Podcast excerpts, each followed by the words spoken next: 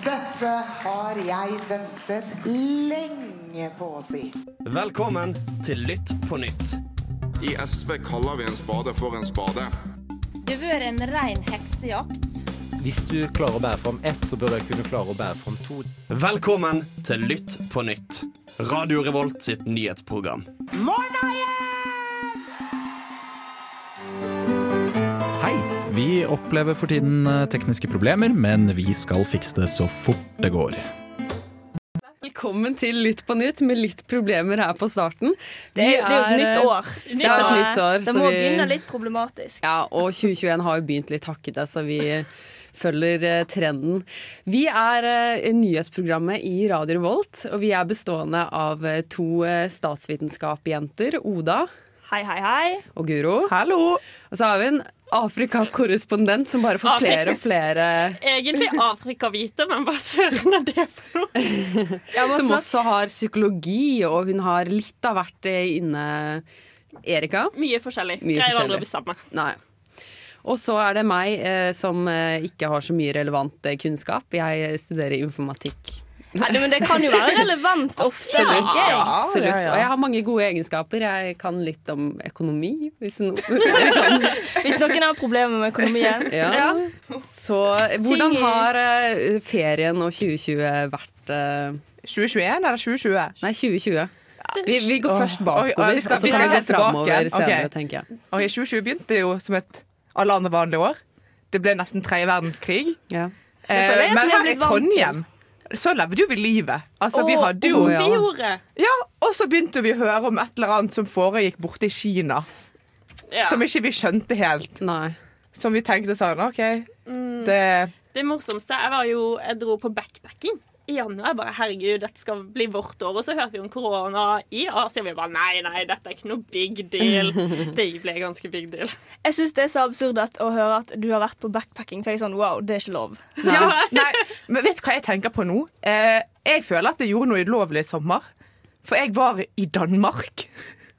For smitten var så lav i Europa at jeg glemte jo nesten at det var en pandemi. Jo, men jeg tror vi Det glemte litt alle sammen det i sommer. Men, Så jeg tenkte sånn, ja, jeg er helt innafor med å dra til Århus, liksom. men jeg gjorde noe enda verre. I sommer reiste jeg til England. Wow. Ja, det, okay, det er litt ja, det husker jeg var litt sånn ja. Ja, altså jeg skulle Men du har familie der, da. Så Ja, men jeg skulle jo bare hjelpe en venninne å flytte. Så Dro du til England for å hjelpe noen med å flytte? Ja, fordi hun, Ja. Kommer, hun kommer fra Kristiansand, Ah. men hun studerer kriminologi der. Så da måtte jeg liksom hjelpe. Men hvordan har juleferien vært? Det har vel kanskje ikke vært så mye reising eh, der? Jeg reiste jo hjem til Bergen, det gjorde jeg. Ja. Jeg reiste jo fra et eh, Trondheim i stadig stigende smitte til Bergen, som akkurat hadde fått lav smitte. Så da hadde jo egentlig Det var jeg, Det var perfekt. Ja. Det var helt perfekt timing. Og det egentlig vært en helt eh, Det har vært en veldig deilig ferie. Det har jo vært megachill i forhold til alle andre ferier. Ja, for jeg mister, altså Man snakker jo om jula 2020 blir så annerledes, eller var så annerledes, men jeg tror ganske mange har kost seg. Altså. Med Ja. å bare være kjernefamilien. Det er ikke så mye stress, ikke så mye forventning. Man skal på en måte bare slappe av med familien i jula. Men selvfølgelig så har man jo de som ikke har kommet seg hjem til julen, og som er stuck Ja. eh, på hybelen og den type ting. Det er jo selvfølgelig en del av de òg. Mm. Så selvfølgelig 2020 har jo vært en spesiell jul òg. Ja, og så var jo det litt spesielt å ikke få dra på hardfylla andre juledag. Ja. Eh, og det var litt Det var hardt. Snakk for deg selv! Så lenge vi var ti personer, var det greit. Ja, Brukte det du en av dine to dager på Andre juledag? da? På fylla. Hva annet skal jeg bruke? de fleste gjorde jo sikkert det på nyttårsaften òg, da. Det, det ja, litt, eh, ja, jeg tror faktisk at vi var uh, under Vi var fem, faktisk. Så da var det helt lovlig å ha fylla. Eh, Å nei. Men eh, vi hadde jo 2020, det var jo litt av hvert. Men så kom 2021. Ja, men kan vi ikke høre en låt, og så kan vi snakke litt om, eh, om året framover eh, etter det? Jeg foreslår at vi hører på ABBA med 'Happy New Year' nå som det er et nytt år. Du hører det her på Radio Revolt. Du hører på Lytt på nytt, Radio Revolts nyhetsprogram. En litt eh, humpete start på sendingen eh, der, ja. Men vi fikk eh, oppsummert litt 2020. Og vi fikk hørt på ABBA. Og vi fikk Ja. hørt på ABBA. Deilig. Det er et nytt år. Fantastisk. Eh, men hva tenker vi om det nye året, da? Det har jo allerede skjedd ganske mye nå i starten av 2021. ja, jeg tenkte sånn Dette blir mitt år. Dette her blir mitt år. Også. Tenkte du det? Nei, jeg tenkte, vet du hva jeg egentlig Fordi- tenkte? ja. Det, jeg tenkte mitt år begynner ikke før den vaksinen er stappet inn i bicepsen min, og jeg kan Du leve livet mener igjen. mikrochipen som gjør Ja. Bill Gates kan kontrollere deg? Ja, jeg mener den. Jeg mener før jeg har fått min Ja, den gleder jeg 5G-vaksine. Jeg har tenkt, eh, jeg håper at den mikrochipen fra Bill Gates eh, kan koble den til studentkortet mitt, sånn at jeg kan åpne dører på Dragvoll med armen. Ja, det hadde vært veldig Wow. praktisk. Kanskje jeg kan få tilgang til her studentmediene òg med den mikrochipen? Ja. At jeg slipper liksom å ha nøkkel. Ja. Kan, jeg sånn, ja, kan han være husnøkkelen min? Oi! Liksom, det hadde vært veldig gøy. Begynne å betale begynne å på butikken med armen Ja, ned på den genialt, der bare- eh, tappingen. Tepper med armen. Er i ferd med å bli et nytt samfunn her.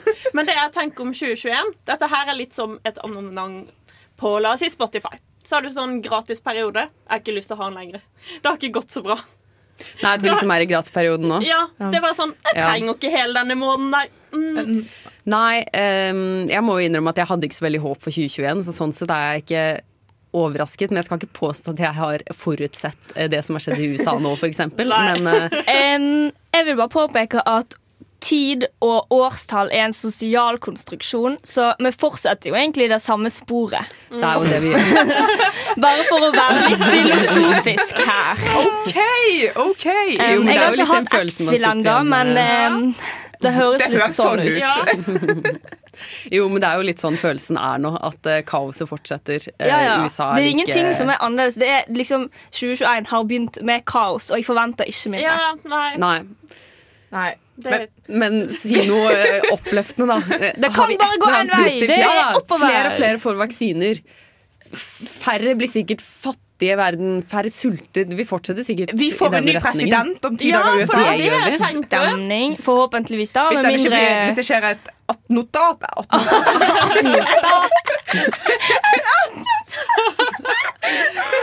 Eh, attentat. Hater når det skjer attentat. Åh. nei, men En liten JFK 2.0. Men uh, vi- satser på at politiet faktisk tar seg sammen og beskytter uh, denne gangen. Nei. Ja da. 2021 eh, blir sikkert bedre og bedre, det òg, men eh, Det blir kjempebra. det blir kjempebra. Det blir kjempebra. En eller annen gang så blir det kjempebra. Det, det blir bra. Vi skal høre på eh, Sulten. Apropos at færre skal være sulten.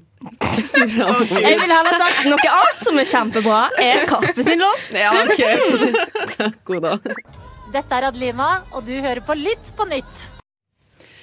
Vi beveger oss fort eh, inn i USA. Vi kan jo ikke la være når det skjer eh, så syke ting eh, der nede, holdt jeg på å si. Der borte. Det er jo på en måte litt ned da. Det er jo det. Ja, det er kanskje det bort og litt nede ned. da? Hva som skjer der, det, det var veldig mye. På onsdag så begynte det litt Da var det den 5. januar, så var det et nytt valg i USA. Vi, kan, vi begynner der, for Ja. onsdag var en lang dag. Vi begynner med valget. Eh, fordi det var jo ikke bare presidenten som skulle velges i november, det var òg ekstremt mange senatorer. Og eh, blant dem så var Georgia sine to senatsplasser til valg. Alle statene i USA har to senatorer hver, og sammen blir det Jævlig mange. 100 senatorer. og i år hadde de begge senatorplassene sine til valg. Eh, Og Georgia de har et litt rart valgsystem som gjør at eh, du må ha over 50 eh, av stemmene for å vinne. Litt sånn som eksempel Frankrike og sånt. da. Eh, og i år så var det så mange sånne independents som stilte at ingen av plassene faktisk ble tatt i november. Noe som gjorde alt mye mer spennende, for alle andre plassene ble avgjort. Og da var det sånn Hvis eh, demokratene vinner dette, så blir det 50-50 mellom senatorene. Og hvis det er eh, splittet eh, senat, så kan visepresidenten, som nå vil være Kamala Harris, komme ned og avgjøre med sin stemme. Wow. Så det, ja. Dette høres veldig, egentlig litt udemokratisk ut. Ja, ja, men det er veldig mye i USA som høres veldig udemokratisk ut. Så for demokratene var dette veldig viktig. Men Georgia er egentlig tradisjonelt en republikansk stat. Men de siste årene så har det skjedd litt ting i demografien. Det er byer som vokser. Stacey Abrams, blant annet, en nydelig dame eh, som eh, er ekstremt god på å mobilisere velgere og sånt. Har jobbet drithardt for å mobilisere unge demokrater. for at dette skal kunne gå.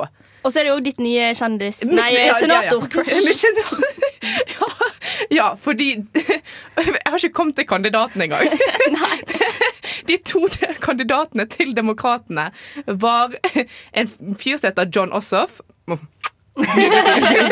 John Ossoff. Raphael Warnock, og nydelig fyr. Eh, hvis han vant, så ville han bli den første eh, afroamerikanske eh, senatoren til USA. Og han er pastor i kirken som Martin Luther King jr. gikk i. Fun fact. Eh, og de stilte mot eh, to republikanere som var dritkjedelige. Eh, og helt utrolig nok så klarte faktisk demokratene å ta begge senatsplassene. Så nå vil demokratene ha president og visepresident, selvfølgelig, og senatet og Representantenes hus. Så dette vil si at Joe Biden vil Faktisk kan få noe gjort! Ja! Det er jo gode nyheter. Tre minutter lang forklaring på det Jo, men jeg følte vi trengte den forklaringen. Takk for det, absolutt, Så det var liksom det positive som har skjedd i USA. Så vi skal gå over til det som folk kanskje har fått mest med seg. Men først så skal vi høre på Gi meg litt fred, ironisk nok. Med Det er faktisk Brenn. veldig morsomt. Det her er Ingrid, og du hører på Lytt på nytt. Vi fortsetter med USA, og nå til den store nyheten. Den største nyheten. The storming of the capital. Domestic terrorism. Det er jo, høres ut som noe som er tatt rett ut fra Hunger Games. Det, Det er jo fordi eh, det var som å se på Hunger Games. De Bare hadde at samme kostyme som i Hunger Games òg, faktisk. Ja, men det var liksom som om Capital i Hunger Games stormet eh, de som faktisk var snille, hvis jeg er Rett og slett. For på onsdag, samme dag som hele dette Georgia-greiene foregikk, eh, så eh, skulle òg noe annet skje i, eh, i, i, i Kongressen i USA. Og det var at det formelt skulle utpekes ny president og visepresident, som altså ble Joe Biden og Kamala Harris, eh, av eh, kongressmedlemmene og Mike Pence, som er vise, visepresidenten til Donald Trump.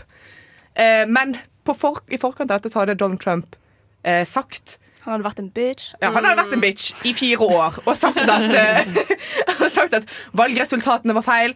Vi skal storme Capitol. Og så blir han overrasket. Han- fordi Capitol blir stormet. Men han sa ikke nøyaktig at de skulle storme det. Han sa at men... vi skulle march to the Capitol. Ja, det, det er var det samme. Veldig, Det- veldig Ja. innforstått at det var Ja. det Ja, ja, det var det. ble det satt indirekte. Ja. Ja, så det er litt utrolig at både han og politiet og alt som finnes av sikkerhet i USA, ble overrasket når faktisk titusenvis av hjernevaskede republikanere som blant annet inneholdt KKK-medlemmer, QAnon og en gammel bestemor Ja. eh, møter opp med, med flagg og, og og, sånne konspirasjonsteorier og planer om å liksom gjennomføre en revolusjon. It's a revolution! Men det var liksom ikke bare litt storming, det var helt ekstremt. Fordi du, uh, Guro, du sendte meg video og bare ja, ja. Og så går jeg og ser på NRK og bare Å, gud, nei. Ja, ja. For det var så mange. Ja, ah, sånn du kunne ikke se noe annet bortsett fra de røde capser, liksom. Sånn, Ja. Make America great again. Overalt. Ja, og eh, Altså, Vi kan jo leve med det, men det er ekstremt seriøst. De hadde brutt seg inn på annet eh, speaker Nancy Pelosi sitt kontor og liksom vært sånn Vi vil ikke stoppe. Det er funnet rørbomber, Molotov cocktails, Ja. våpen, selv om Washington DC er en våpenfri by. Og eh, altså, det Vi kan egentlig si oss heldige i at det på en måte bare var fem Ja, som er døde. fem omkommer, men det er jo òg over 50 som er arrestert. Men det, Nå er det er, over 100, tror jeg. det, er 100 Ja. mm. det er jo bare at tallet øker. Jeg så at eh, folk For det kommer folk fra hele USA. Eh, men eh, de har havna på en no fly-list når de har blitt identifisert, så de kommer seg faktisk ikke hjem. Eh, de er stuck i Washington de DC og blir arrestert, liksom. Det Ja. er jo Det er jo det minste en kan forvente. forvente. Ja, ja, det og Hva som vil skje med Donald Trump, er òg et veldig stort spørsmål. Noen mener at han bør stille for riks, stilles for riksrett igjen, Ja. sånn at han ikke kan stille til president noen gang. Og det er faktisk veldig mange, jeg tror det er 180 kongressmedlemmer som har skrevet under på det allerede. Og han mister jo òg eh, veldig masse eh, penger som presidenter får i ettertid. Ja. Eh, en slags presidentpensjon. Eh, Ja. Den mister han hvis han blir stilt og dømt for i, i riksrett. Og så er det, noen som jo- til og med har ment at de bør eh, bruke the 25th amendment, som da betyr at eh, hvis presidenten er liksom ikke, eh, egne, ja, ikke Ja. egnet til å være president, så kan visepresidenten ta over. Og Mike at- Pence virker jo som den Han har ikke utelukket det. Nei, Nei. Han virker jo som han har kommet, came to his senses i det mm. siste. Han har sluttet å følge Donald Trump på Twitter eh, før han ble The girls banna. are fighting! Eh, ja. Men, nei, men altså, husk at han eh, liker eh, conversion-terapi, men samtidig så har han liksom Han er en kar karrierepolitiker og vet hvordan sånne ting funker. Du hører på Lytt på nytt på Radio Revolt. Det ble jo en litt eh, spesiell start på studieåret for oss studenter. Ja, Plutselig absolutt. Plutselig lørdag, lørdag kveld, altså 2. januar, så fikk vi beskjed via Facebook-siden det synes jeg er var veldig, veldig rart. Når politikere eh, legger ut liksom, offisiell informasjon på Facebook-sida si, jeg bare Jeg er imot det, skjønner jeg. Ja, altså, det er greit at de begynner å bli flinke på å zoome, men et stort sted går faktisk grensa. Det begynner å nærme seg litt trumpsk Nei, for men jeg føler at eh, Bent Høie tenkte sånn Å, hvor er studentene? De er sikkert på Facebook. Og så eh, la han det ut, liksom. Nå skal jeg være ung der. og veldig approachable. Ja. Men han sa jo da i hvert fall at eh, studenter burde vente med å returnere til studieplassen sin eh, pga. at de ville eh, hindre at det ble eh, smitteoppblomstring når folk reiste tilbake. Um, og eh, min reaksjon var jo da eh, Sinne. Akutt sinne. jeg var så sint. Jeg bare sånn, Dette går ikke greit. Fordi poenget mitt her er, og grunnen til at jeg ble så sint Hvis dette hadde skjedd med hva som helst annen samfunnsgruppe, så hadde det blitt ramaskrik. Det hadde blitt sånn, dette er ikke greit, beskjeden kom for seint. Det hadde liksom det hadde ikke gått an. Og sånn føler jeg det har vært med studenter og korona hele tida. Det, er liksom, det, det er ingen respekt for studenter. Og samtidig så skal vi altså vi, har blitt, vi har fått så mye skyld for smitte Ja. så mange steder i landet. Og det er ikke sant! Nei, Når vi sitter inne på rommene våre og så er ensomme, liksom, så er det sånn Fy faen, det er deres feil! Det er deres feil at det er korona i landet! Og det som irriterte meg Å, nå, nå blir det en rant, liksom. Ja, kjør! Men, ok, Først så var det fadderuke. Alle klikka på oss. ikke sant? Herregud, studenter liker bare å drikke, de gir faen og alt det der. Så hvorfor var det lov å åpne grenser, da? de den smitten kom under fadderuka, og da var det oss! Det var vår sin skyld! Og de, ja! Jo, men også uavhengig av på en måte sånn, hvordan vi har eh, blitt behandlet generelt, så er det jo Det er ikke veldig mye grunnlag for å gjøre det her nå. For det han gjør, er å utsette reisen til studenter fra begynnelsen av januar til 18. januar. Ja, så alle kommer alle 18. studenter komme januar i 18. stedet. januar i stedet. Han bare utsetter smittetrusselen Ja, to og uker. For om Gardermoen, Værnes og Flesland er fullt 18. Og januar så, Kjevik. ja, og Det er så dritmange studenter på Skjevik Kjevik òg. så, så vil jo det uansett være dritmange på flyplassen den dagen. Jeg skjønner ikke poenget med Han burde jo sagt at dere må spre dere utover i Ja, denne ja. perioden. Her kan dere reise.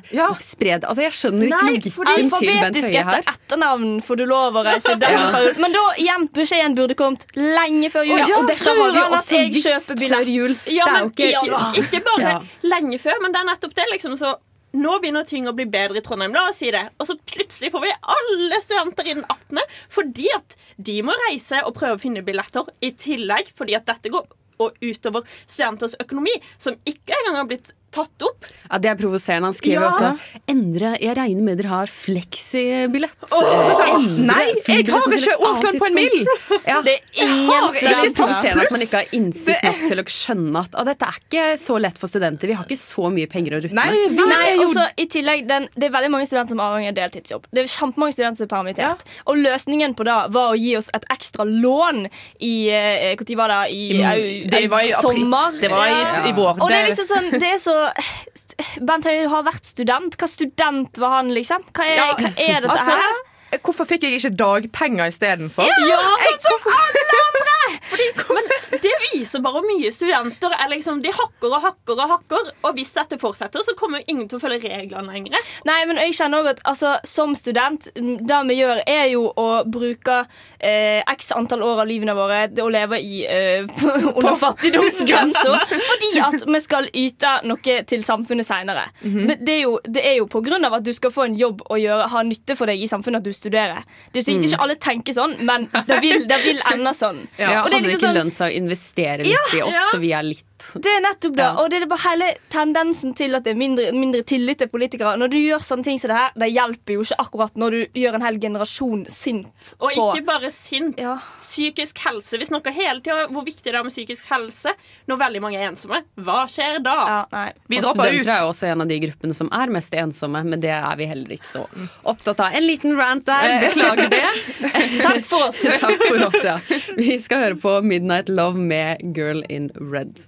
Nå skal vi høre med en mann som står veldig langt unna mikrofonen, hva han syns om Radio Revolt. Radio Revolt er den beste studentradioen i Trondheim. Jeg hører på det hver dag. Skikkelig bra. Vi eh, gir ikke slipp på korona så fort. Men vi Eh, skal ikke være så sinte denne gangen. Nei, nå skal vi være litt mer rasjonelle og rolige. Ja. Ja. Oda, Ja, fordi eh, det er jo lagt ut på høring i forgårs at eh, mm, regjeringen kan innføre et portforbud eh, som et slags eh, siste utvei, da. Et, et tiltak som de kan iverksette hvis ingen andre tiltak eh, ser ut til å fungere. um, og da vil det da eh, bli pålagt portforbud i 21 dager. eh, med mulighet for å utvide det i 14 dager til. Um, og Monica Mæland sier da at det er bare aktuelt i en situasjon der altså, andre tiltak ikke er tilstrekkelig. Og hun påpeker jo at det, det er ikke aktuelt per i dag.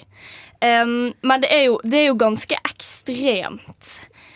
Det, men det er jo også et tiltak som har blitt brukt i veldig mange andre europeiske land. Men- Broren min ja. befinner seg i Portugal akkurat nå, og der er det veldig strengt Mm. portforbud. I Lisboa, hvor han bor. Sikkert ikke i hele landet. Men det er en helt annen situasjon i Norge enn det er i noen Ja, ja, andre land. det er jo helt vi, enig vi er fem millioner mennesker. Vi Det er- bor langt fra hverandre Ja, ja. Veldig, i veldig mange deler, det er deler av landet. forholdsvis lett å holde kontroll på smitten, og vi har jo allerede tiltak som jeg ja, Ja, tiltak som, som på en måte fungerer, da, som klarer å holde smitten nede. Eh, og folk følger rådene. Altså. Ja, for det, det, Frp sier jo at dette er mistillit mot befolkningen. Ja. Og ikke bare det, sånn, vi har egentlig klart oss veldig bra i forhold til resten av Europa. Ja, Ja, altså, jeg, jeg føler jo regjeringen er litt sånn å ja, Er det litt for lite krise i Norge? Bør vi på en måte, Det ser kanskje bedre ut utad om vi også kommer med portforbud, eller at de er stresset. Altså, De er nok veldig redd for at det skal bli oppblomstringer og at det skal komme ut av kontroll.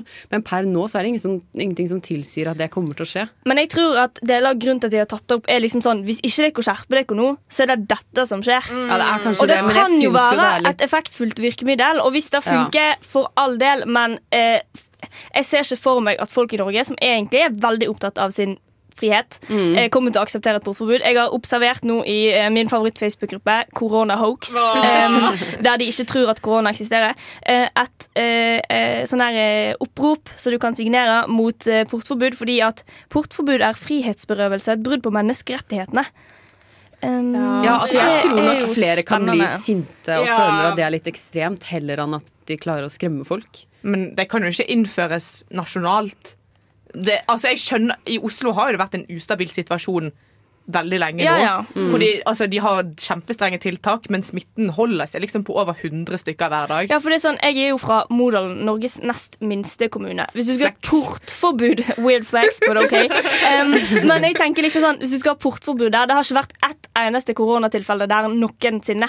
Nei. Eh, det er liksom sånn, Hvorfor skal folk ha portforbud der? Det gir jo ingen mening. Ja. Så du må vise litt sånn du må ha, jeg, jeg skjønner poenget med nasjonale regler, men du kan ikke Du kan ikke eh, liksom se på Oslo og Norges nest minste Ja, kommune da- på, i samme situasjon. Altså, Ja, da må jeg snart begynne å stemme på Sp, for da har, Nei, så langt vil jeg sentraliseringen- da har sentraliseringen gått for langt. Jo, men jeg mener jo at selv i Oslo så, eh, så skal man jo ikke Altså, Hvorfor skal man på en måte bestemme akkurat når du skal kunne gå den ene turen du får lov til å gå? på en måte? Det er jo så å si lockdown i Du er Oslo. liberalist, du. Eh, det merkes kanskje. I hvert fall liberal.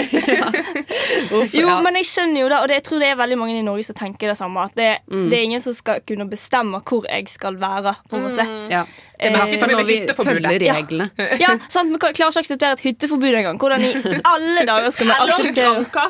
Vi Ja. må, vi har, å dra til Granca er menneskerett, folkens! Ja, nei, eh, Men jeg skjønner jo at eh, de nye muterte versjonene av viruset bekymrer regjeringen.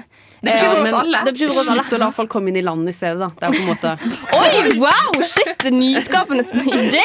Hvorfor har ikke noen tenkt på det før? Nei, det kan man lure på. kan man jo faktisk lure Ja, det kan man. Nei, OK, nok eh, korona for, eh, for i dag. Det Ja. ble litt rant, det her òg.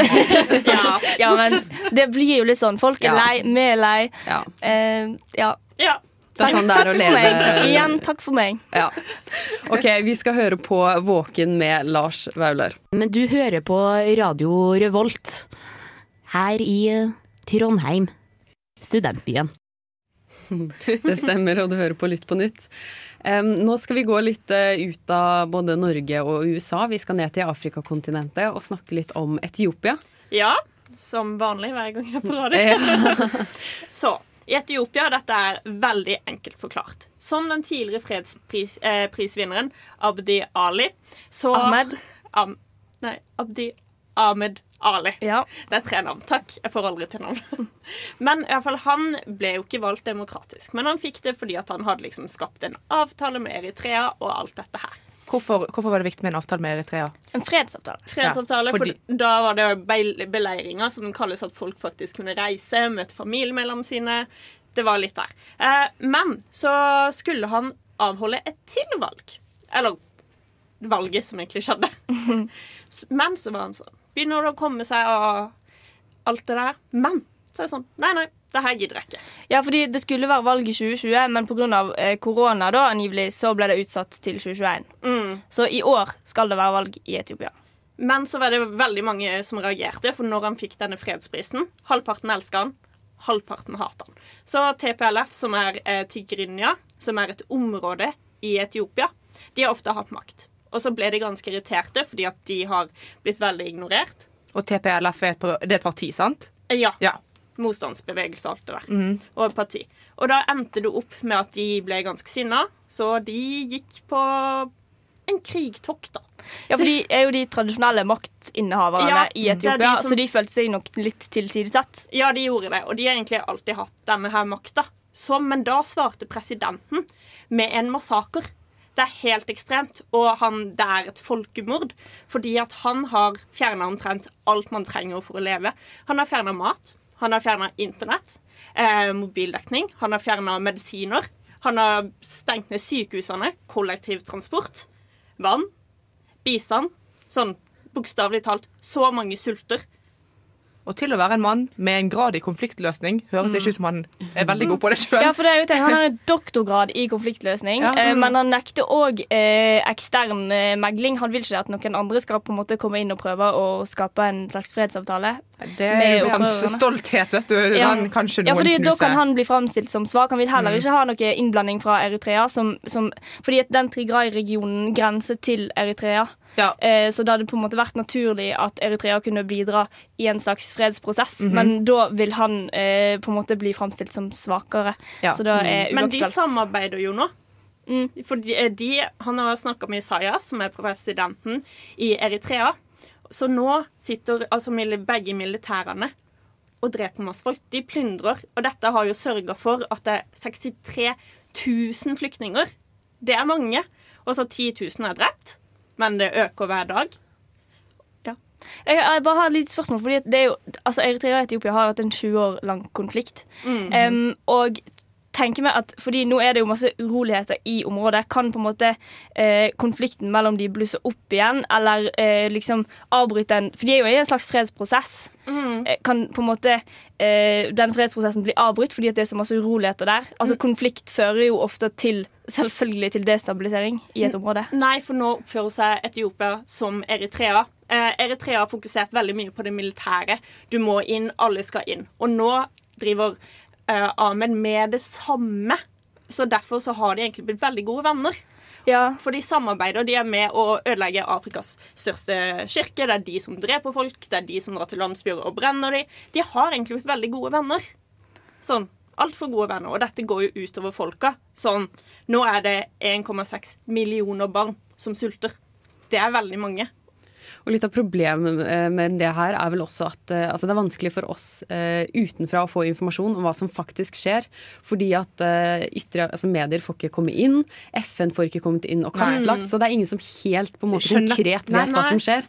Og det gjør jo denne konflikten veldig vanskelig å gjøre noe med og forstå seg helt på. Ja, og når de ikke får ha tilgang på internett eller mobildekning, så får jo ikke de Mm. kommunisert hva som skjer. I alle fall ikke fra de standpunkt. Altså, presidenten kan jo, kan jo fortelle hans side av historien, men den stemmer jo mest sannsynlig ikke.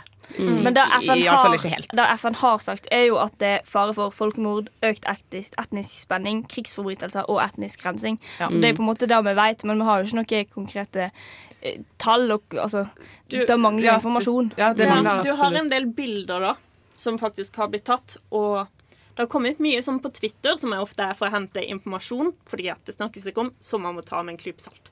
Eh, og da har de bilder hver dag av folk som er drept, som liksom gjør det enda verre. Sånn, rett før jeg gikk inn, så så jeg et bilde, og så står det Han her og seks venner ble drept i dag.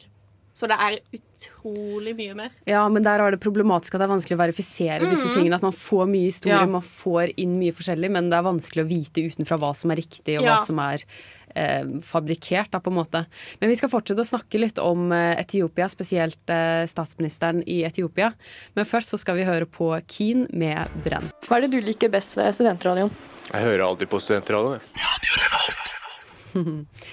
Um, ja, nå har vi forklart litt hvordan ståa er i Etiopia, um, men vi må jo nesten snakke litt om at eh, statsministeren har fått fredspris. Folkemordere. Folkemordere bør jo selvfølgelig få fredsprisen. Nei, men eh, jeg husker, fordi vi har snakket om Etiopia tidligere, Mm. i fjor. Um, og da husker jeg at jeg nevnte at jeg syns at uh, han aldri burde fått fredsprisen. Uh, jeg er enig i at Nobelkomiteen kanskje ikke kunne forutsett at dette skulle skje, men det er på en måte bevist flere ganger at når statsledere får fredsprisen, så går det ikke så veldig bra. Nei, Hvis du tenker tilbake på statsledere du kommer på som har fått fredsprisen, så har de altså, Drev med folkemord. ja, ja, ja, Obama. Han gikk jo Ja, Obama, han gikk jeg etter, jo- angrep på Libya, da, men det Ja, men da vil jo jeg si at statsledere har jo innmari mye makt til å endre ting innad i et land. Og det er jo det på en måte eh, freds... Nå holder jeg på å si fredskomiteen. Eh, eh, fredspriskomiteen eh, ønsker å gjøre, er å på en måte påvirke folk som gjør noe, allerede gjør noe bra, til å fortsette på en måte i den retningen. Og jeg tenker jo at det er kjempeviktig at man da gir det til statsledere i diktatur eh, som prøver å gjøre endringer. At man på en måte gir det en dytt og sier tommel opp, bra, fortsett i den retningen. Men det er ikke det fredsprisen er til for. Fredsprisen skal gå til noen som har gjort noe for fred. Ikke for, til Men noen han, som potensielt kan gjøre sånn, noe Men for har det fred. ikke en større verdi hvis den på en måte faktisk kan aktiv, for, Nei, det syns jeg blir feil. skal vi gi litt gøy. ok, Fordi det her er jobben de sin, og ikke altså, jobben til en statsleder. Ja, folk skal ha det fint, folk skal ha fred. Men hvis du gir det til en vanlig borger, så skaper det mer effekt enn hvis vi gir den en statsleder. For det er de sin jobb hvis en vanlig borger faktisk gjør dette her. Gi det til en organisasjon. gi Ja, det organisasjon er det som Malala, dere, altså. dere har jobba bra. Mens min statsleder er faktisk sånn Ja, ja, du skjønner den, eller skjønner ikke. Og det er det. Mens andre så setter det en diskusjon. Det skaper en diskusjon. Som hvis eh, ja, Malala fikk denne her. Ja, Vi ville jo ikke akkurat gitt eh, Nobels pris for sånn kjemi til noen som hadde begynt å forske på noe, men som ikke hadde fått til Nei, noe. Det gjør man hele tiden. Altså, som har oppdaget en liten ting som kan gjøre at man kommer litt nærmere å finne Ja, men du har funnet ut noe! Ja, Hvis du ikke har funnet det, det ut av noe ennå, så fortjener ikke du pris. Han hadde jo begynt på fredsmegling. Ja. Tror ikke vi klarer å, tror vi klarer å enes her, men eh, det er nå en debatt som man bør ha. Ok, vi skal høre på Better Half med Das Body. Hei sann, jeg er en veldig viktig person, og jeg hører på Lytt på nytt. Det gjør du også.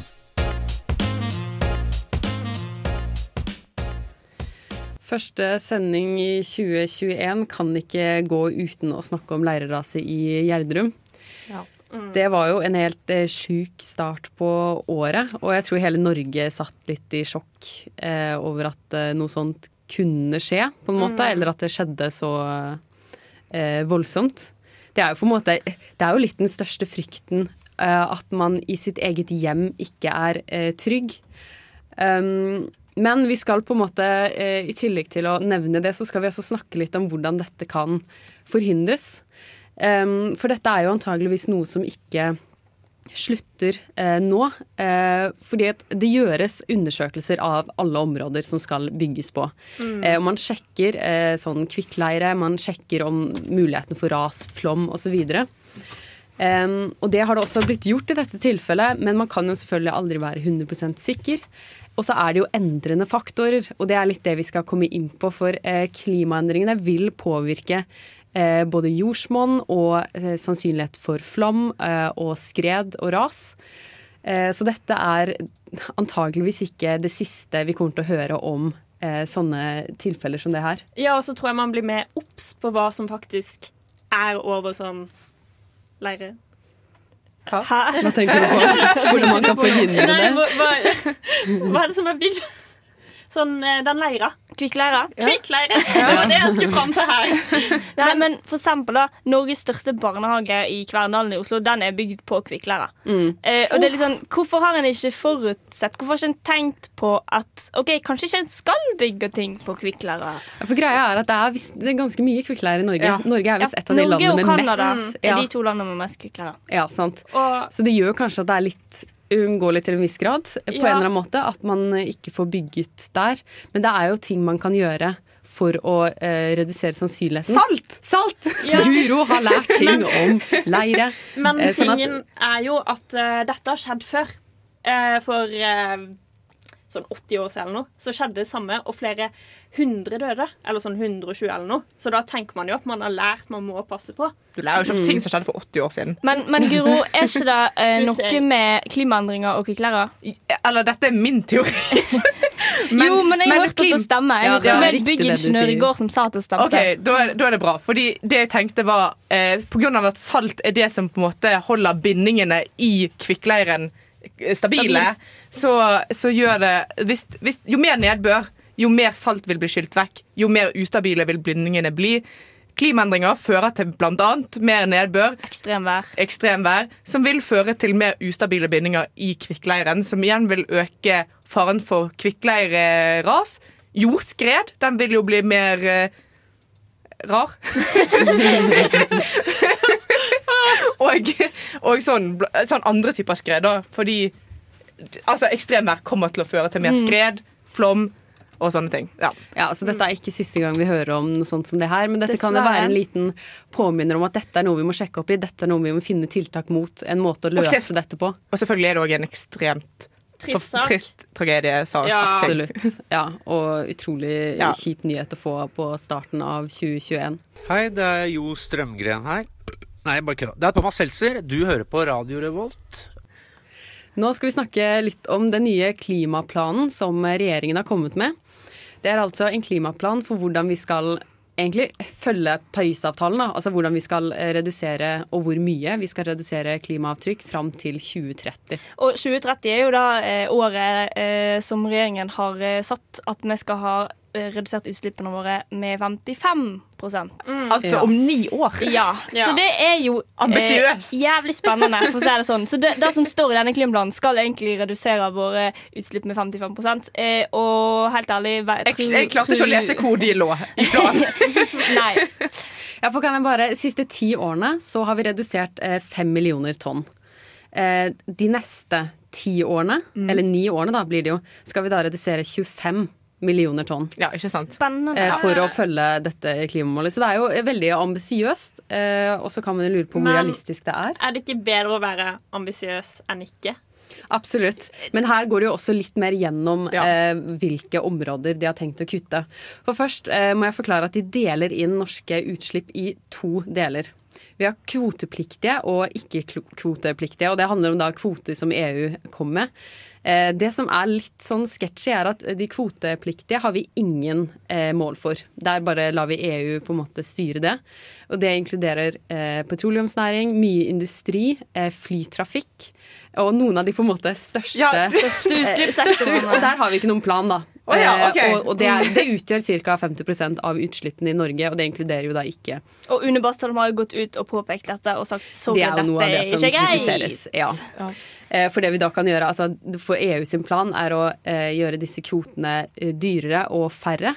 Eh, men no Norge kan jo da velge å fortsette å kjøpe like mange kvoter, selv om det blir dyrere. Så sånn sett kan vi finne på å ikke redusere noen ting. Mm. Men i For det er jo et Europa så marked vil jo for stort klimakvoter. Ja, Mm. Det er jo det det Og er. Norge har råd til å finansiere de med oljenæringen. Så eh, dette høres ut som en veldig ond sirkel. Ja, sant.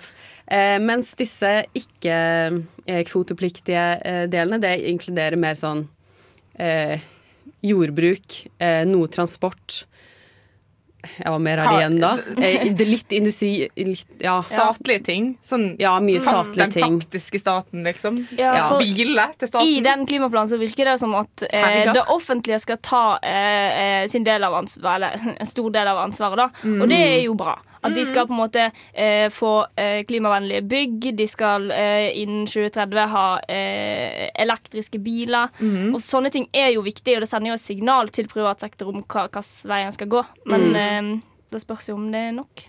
Ja. Et av de eh, tiltakene som er blitt mest, eh, fått mest eh, ros, det er at de skal øke CO2-avgiften fra i dag 590 kroner til 2000 innen 2030. Det er jo fantastisk. Eh, og det er jo ganske mye, og det tror jeg mange også var overrasket over, at de faktisk kom med det eh, tiltaket.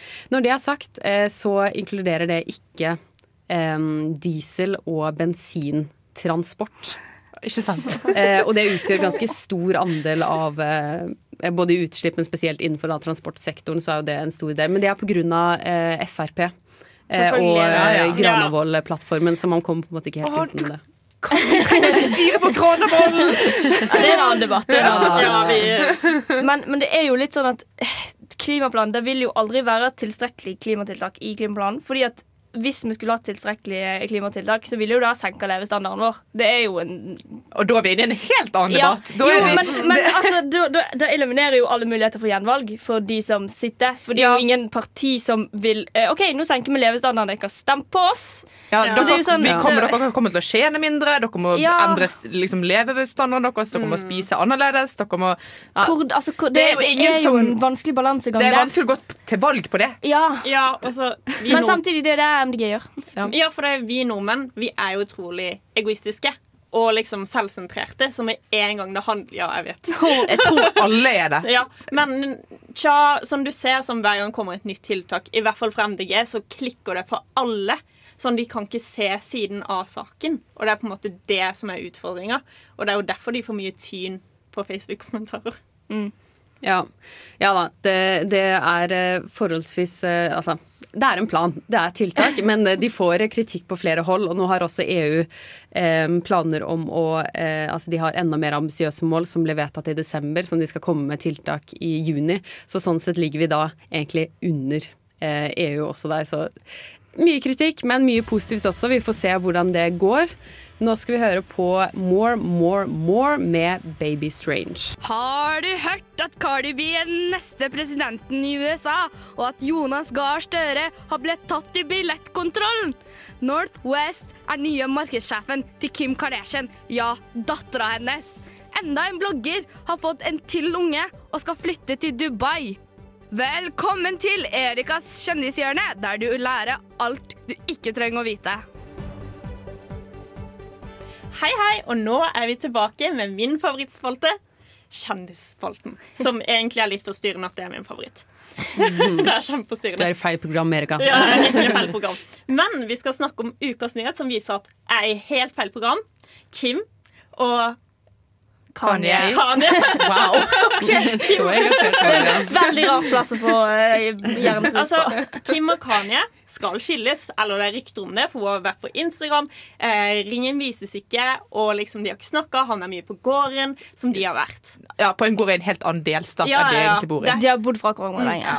Sånn siden sommer. Ja. Og så kan vi få litt politikk inn i dette. For en stor grunn til at dette mest sannsynlig har skjedd, er hans når han ville stille til president. Hvordan hans rants om eh, politikk, abort, alt Og sikkert her. hans rant om at Chris Jenner var the literal devil i sommer. Ja. Eh,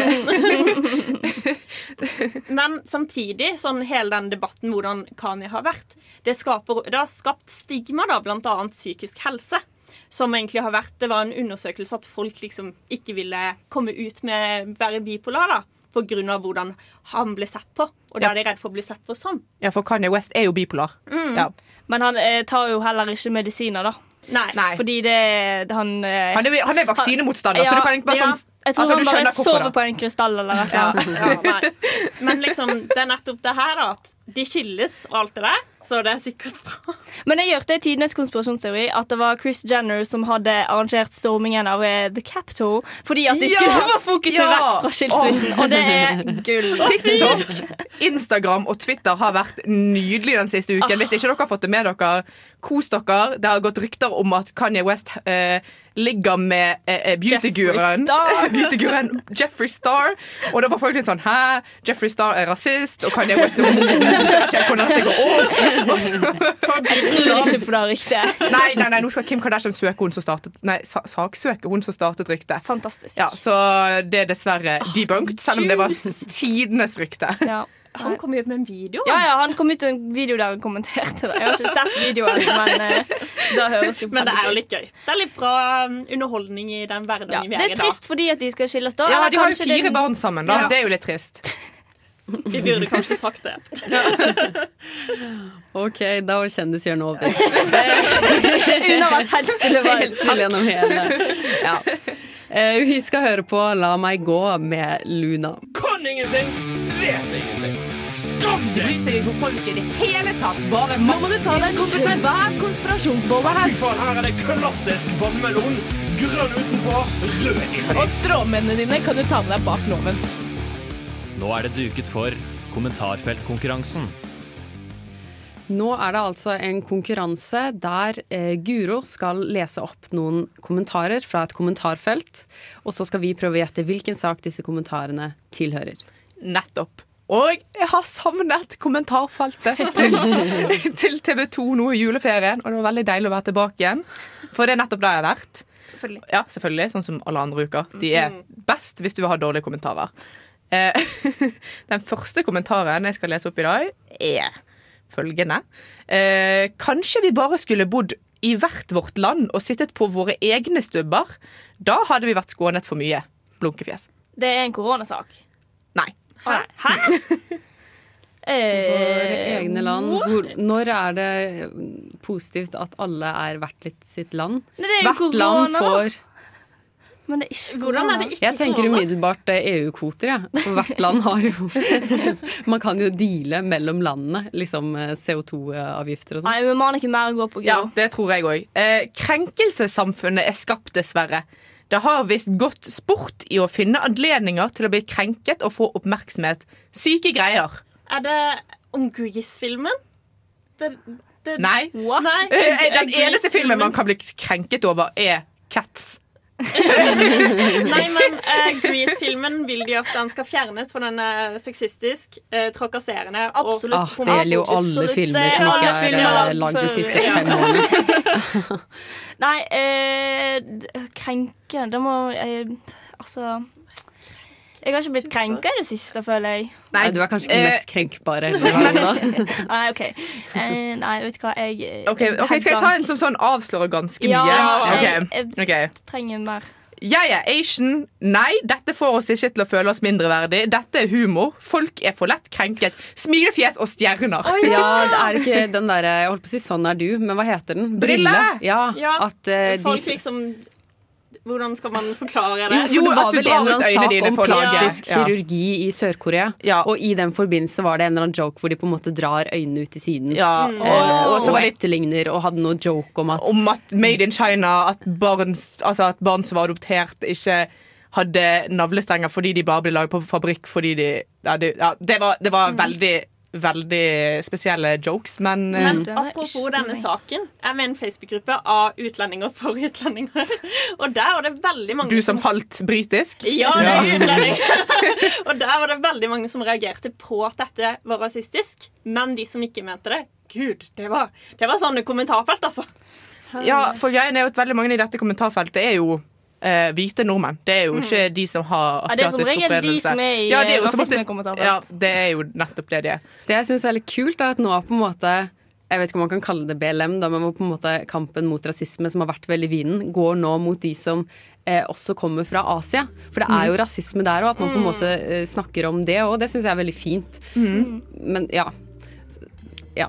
Vi trenger kanskje ikke diskutere den saken mer enn det. Det var en god sak, Uro. Ja, og vi fikk poeng, syns jeg. Nei, ok. Vi skal høre på Drew Barrymore med Sissa. Sissa. Det er Tete, og du hører på Lytt på nytt. Vi skal begynne med eh, noe nytt dette semesteret, som vi kaller Lytt på nytt har valget. For i år så er det valgår. Det er stortingsvalg i høst. Oh, og dette kommer vi til å snakke mye om. Dette er jo det er kanskje det gøyeste å snakke om. Dette er Superbowl for oss, liksom. Ja, faktisk. Bare Superbowl bare i et Ja, men det er jo det, Akkurat i dette tilfellet så føler jeg det er veldig lov å være litt nerds. Ja, absolutt. Det er det dette programmet er til for. Ja, ja, ja. ja. er På politikk og ja. Åpenbart. Det kommer jo stadig vekk nye meningsmålinger. Det kom en nå i januar, og Senterpartiet er jo som kjent eh, vokst veldig. Eh, Men det har de jo også på en måte vist gjennom hele 2020 også. Ap derimot har det ikke så bra. De har antakeligvis mistet ganske mange velgere til Senterpartiet. Høyre har gått bitte litt ned. Frp også tror jeg har gått bitte Men jeg tror ned. det handler mye om at alle taper velgere til Senterpartiet. Ja, All og statistikk tilsier Ja, at ja. de ja. Ja. Men og, eh, noe av grunnen til det kan jo være at det er veldig mange partier nå som prøver å være Senterpartiet. Altså De, Mm. de prøver ja. å Ja, få masse distriktspolitikk, og jeg tror at det hjelper ikke de en dritt. Det Nei. fører bare til at flere velgere gå til Senterpartiet. Ja, fordi at når liksom SV da ser at uh, Ap, som de kan stjele velgere av, uh, heller uh, gi velgere vekk til eh, Senterpartiet, så blir SV sånn eh, Ulikhet og sentralisering! Og, se- og sentralisering! Eh, men da minner jo du bare på alle velgerne at sentralisering Ah, Senterpartiet synes det er flott! Senterpartiet har jo god politikk på sentralisering. Da drar vi heller dit. nei. Men det morsomme når jeg var hjemme i jul, så snakka jeg veldig mye om Senterpartiet. For vi er ikke bare bybelbelte, vi har også mange distrikter. Og da var alle sånn Nei, de kjemper for oss. De kjemper for bøndene. Altså det lokale. Ikke det Oslo-drydet. Og liksom Vi har masse sånn bare Oslo-elite som snakker om oss. Og det, de når jo de. Ja, og det er ingen tvil om at sentralisering eh, kommer til å bli et stor eh, tema dette valgåret. Definitivt. Spørsmålet er eh, altså Korona kommer selvfølgelig også til å bli stor Mm. tematikk, men det er jo mye på en måte sentraliseringsprat der òg. For hvem er det som eh, har det best, på en måte, eller som ikke har korona? Jo, det er distriktene. De har minst Mhm. korona, men må likevel få tiltak. Oslo er på en måte sentrum for smitte. Det er litt skummelt i storbyene. Så det styrker jo på en måte litt Senterpartiet sin sak.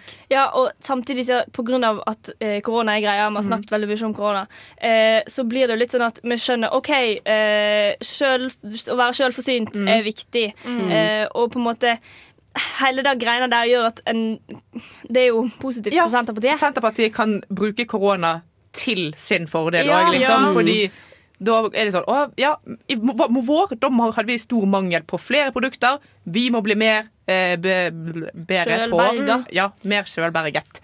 Fordi Og- vi snakker jo om liksom portforbud og alt dette her.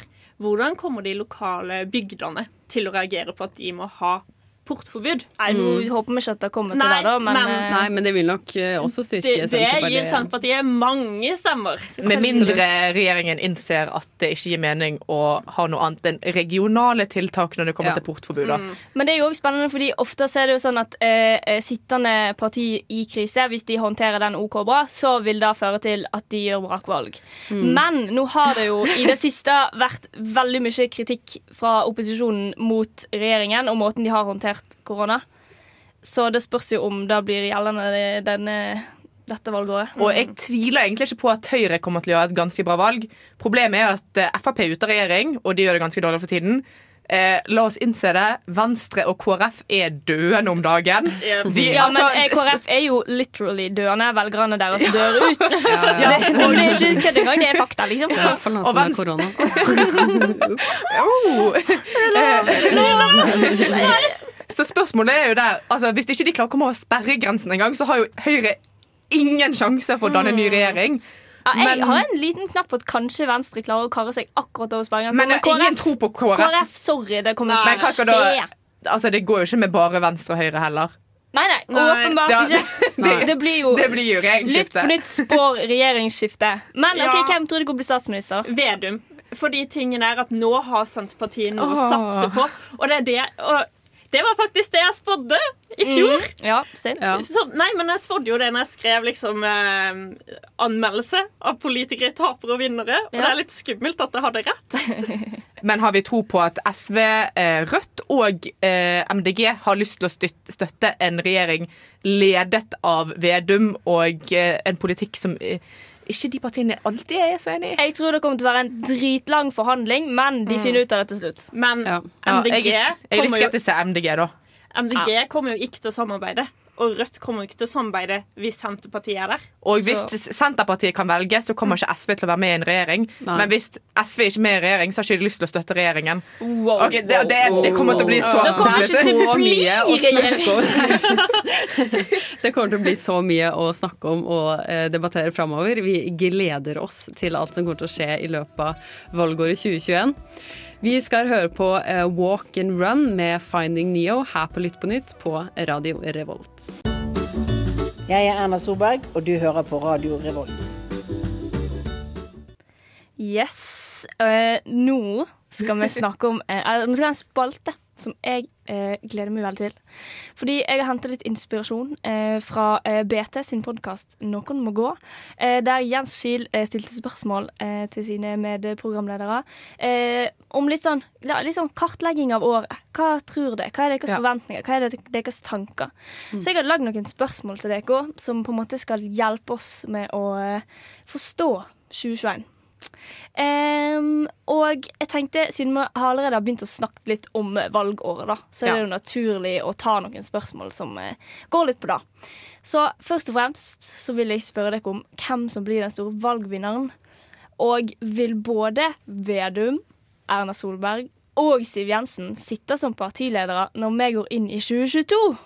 Oi, shit. det siste var spennende. Ja. Men valgvinner er kanskje ikke fullt så spennende, holdt jeg på å si. Nei, det er, jo et fasitsvar der. Ja. uh, og jeg tror ikke at det Jeg er mer spent på om uh, Jonas Gahr Støre kommer til å sitte som uh, partileder. Ja. Med mindre han får hvis det, Jeg tenker han enten Hvis han ikke får bli statsminister denne høsten her, så tipper han trekker seg. Han må jo det. Han må jo det. Sånn, han må det. Du må bare skjønne at spillet er seig. Jeg føler at han kommer til å bli enda en runde. Ja, fordi jeg føler at til nå så har han ikke skjønt at han ikke alltid passer i den stillingen der. Hvorfor skal han plutselig skjønne det nå? Jeg tror han kommer til å få press fra noen andre. Ja, og så tror jeg at Vedum han er sånn on a roll. Han kommer ikke til å gi seg. Han Så skal stjele alle velgerne. Vedum kommer til å sitte Ja, ja, ja. Ja, om han Ja, jeg tror nok det. Ok, men hva med Siv Jensen, da? Og, ja. Det Problemet er at Frp går det litt dårlig med, men jeg har litt sansen for Siv Jensen. Jeg er litt bekymret for hva som skjer hvis noen men jeg jo, men tenker- Siv Jensen er jo flink. Hun er jo veldig godt Ja. likt. Og hun er Men- flink til å på en måte samle Men partiet. samtidig så har hun krangla med en del. Altså, Hun har ofte gitt beskjed til folk, og det kan påvirke Frp, som har litt lyst til å gjøre, kjøre de sitt eget løp. Og hun kommer Sånn kan du ikke gjøre. Sånn kan du ikke gjøre. Altså Og det er sånn, når, hvis et, altså, jeg tenker, når et parti gjør et dårlig valg, mm. så må jo partilederen ofte gå. Mm. Og både altså, Senterpartiet og Frp de konkurrerer i stor grad om de samme velgerne. Så begge kan ikke gjøre et brakvalg. Og når Frp vet, er taperen. Ja, ja Det- altså Frp kommer til å gå taper, taperne ut Ja, ja. av den boksekampen der, liksom. Uh, så det blir jo spennende. Det er jo, jeg liker jo egentlig. Siv Jensen veldig godt. Ja, hun er utrolig flink. Så det er litt sånn er Og hvem skal ta Ja. over, da? Det er ikke Sylvi Listhaug som er nestleder. Å, Gud! Jo, jo det går jo fort uh, Sylvi Listhaug. Ikke, ikke bare det. La oss si Vedum vinner. Han kommer til å sette Hvem blir det? Hæ? Vedum. Hvem skal han sette som finansminister? Nå blir jeg skikkelig redd. Det blir jo Det blir jo en ny finansminister Det blir jo ja, Finansministeren er nok garantert noen fra Arbeiderpartiet hvis Vedum tar statsministerplassen. Det, Da tenker jeg Ja. Eller da håper jeg. Jeg Det var skummelt. Ja, men, eh, men vi kan gå litt videre, Fordi eh, nå har jeg et eh, spørsmål som jeg lurer veldig på. Um, hvor mange ulver kommer til å bli drept i 2021? Alle? Er det det Senterpartiet vil? Utrydde ulvene i 2021. Hvis Senterpartiet tar makten, så er- gjetter jeg på at det finnes ca. en halv ulv igjen i Norge. En halv, faktisk. En halv ulv. Til lar skrotten bli igjen. Bakdelen får som et symbol. Stakkar. Ok, men eh, så er det jo òg eh, Fordi Vedum har jo hatt en slags valgkampstrategi der han mm. eh, eh, viser ansiktet sitt på TV. Så jeg lurer på Ja, han har hvor ikke vist ansiktet sitt. Han Ja, han har i hvert fall vært på TV. Ja. Men eh, hvor mange TV-program kommer vi til å se Vedum i i løpet av valgkampen? I alle fall 15. altså, og det sett ved siden av debatten og alt sånt. Og, Ja, ja, du må ikke tenke på Dagsrevyen, liksom. Altså, det blir mer han i det der dumme parykkhåret sitt som han møtte opp i på lille julaften. Og det kommer til å bli for mye av det. det. Jeg håper velgerne går lei. Kan jeg bare si at du vet, hva når, I debatten når han hadde den der eh, Parykken på jule, juledebatten. Han så litt ut som en nynazi. Han gjorde det! Jeg beklager hvis noen blir offended av dette. Beklager, men, men det er bare min subjektive mening om den parykken. Ja, jeg tror han hadde litt sånn selvinnsikt på at han ikke så helt fantastisk ut. Han sa sånn Ja, dette var sånn jeg så ut da jeg var 16, og jeg var jo ikke veldig populær blant jentene. Ha! Oh. Nei, men nå håper jeg at eh, dere har fått et litt eh, mer Fått litt eh, avklart forventningene deres eh, for 2021. Ja. Ser det lyst ut? stemmer. Det kan vi jo Vi får ta en titt på det om et år. Ja. Nå har vi det lagra. Ok, Vi skal høre på Rest Up med Boy Pablo her på Lytt på nytt på Radio Revolt. Jeg heter uh, ja, Hva står det her, da? Uh, Bare Bare Egil står her. Eh, Du hører på Radio Revolt. Det stemmer, og du hører på Lytt på nytt. Eh, vi syns alltid det er litt gøy å gi litt sånn tips på slutten av sendingen, så har man noe å på en måte begynne uken med. Har Ja. vi litt eh, tips eh, å komme med i dag? Ja, altså Hvis ikke du har sett den eller fått det med deg ennå, så er Bridgerton ikke det sånn noe så alle Tidenes. Ja, Jeg har ikke sett det ferdig, så ingen spoilers, please. Mhm. Men det jeg kan si, er at eh, eh, Shonda Rhimes, eh, kjent fra serier som Grace Anatomy, Scandal og eh, Station 19 Har du et lite crush på Shonda Rhimes? Nei, men jeg har crush på alle seriene hennes. Ja, okay. det, hun, vet, det er noe med hun og såpeserie, vet ikke. Eh, som var i 17 sesonger. For. Bridgerton er jo en såpeserie. Det, det, er alt, det er dramatisk. Det- er kostymedrama. Altså det, Shonda Rhimes fikk ta tilbake igjen i tid og lage et kostymedrama. Men Shonda Rhimes fikk også ta med seg sin wokeness tilbake i tid. Det er sterke kvinner. Ja, det er sterke, det er sterke kvinner. Og eh, vi er liksom i England på en tid hvor det finnes rasisme, og hvor altså, dronningen hadde ikke vært svart for et par hundre år siden i England. Men det Eh, er jo i Bridgerton. men det er jo i Bridgerton, og jeg elsker det. Det er liksom ikke, det, det er ikke en debatt som tas av det, det er liksom ikke en faktor. Og jeg elsker at det går an å lage serier og inkludere liksom folk uten å liksom Uten at de skal være sånn Å, de må jo selvfølgelig være tjenerne i huset, for det var det de var på den tiden. Altså, Det trenger jo ikke være superhvitt. Hun har mangfold En- uten ja. å gjøre greie ut av det. Ja. Og Det er derfor jeg tror veldig mange liker denne serien. For det er faktisk mangfold. Det er Mm. liksom ikke den vanlige hvite dronningen, og så har du liksom Nei, Det blir for ultravitt. Det blir liksom blender. Liksom. Det blir Men jeg òg har et eh, tips. Eller det er mer en eh, undring enn et tips, kanskje. eh, fordi jeg har tenkt at OK, ferie eh, på, Påskeferie, da ser du på krim. Hvorfor kan ikke jeg gjøre det i juleferien? Fordi skal du se på Harry Potter! Ja, men hør da. Jeg har sett, jeg har brukt, jeg har sett så mange NRK-krimserier. Fordi, gå inn på NRK. Det er masse bra krimserier der. Det er, det er tips. Det er tips. Så jeg tenker eh, eh, fra nå av så skal det være greia å se på krim i juleferien. Helt til eh, noen plukker det opp og begynner å lage julekrim. Ja. Jeg, Ja. jeg syns dette er helt greit. Ja, det, er- det er et legitimt forslag. Jeg var litt, Men liksom, det finnes jo allerede julefilm. Det er ikke det samme. Jeg vil se på krim. Die Hard! Die Hard! det er ikke krim. Jeg har ikke sett den, jeg bare vet at det er skyting, skyting og jul. Ja, okay, Siste tips eh, på tampen. da Dere kan velge å sitte inne og se på serier eller eh, krim. Eller så kan dere gå ut i eh, marka, eller Byåsen, da. Eh, også på ski. Jeg har etter eh, halvannet år i Trondheim oppdaget eh, ski i Trondheim. Og det er på en måte en greie. Det er veldig fint å stå på ski. Så kommer man seg litt ut, så får man liksom litt pause fra innsiden av, av hybelen. Så det er mitt eh, tips eh, på tampen. Og, mi, hæ? og mitt er drikk masse vann. Bra tips, Aldri vann! Jeg har slutta med Pepsi Max, så nå drikker jeg kjempemye vann. Det er jo kjempedeilig å drikke vann. Og det oppdaget Erika i en alder av 20. 23, Ja. Gratulerer. Veldig bra. Ok, da hører vi på Til ungdommen med Honningbarna. Hei, vi er Honningbarna, og du hører på Radio Revolt. Da var vi kommet til eh, veis ende. Vi hadde første, første gang med totimerssending sending i dag.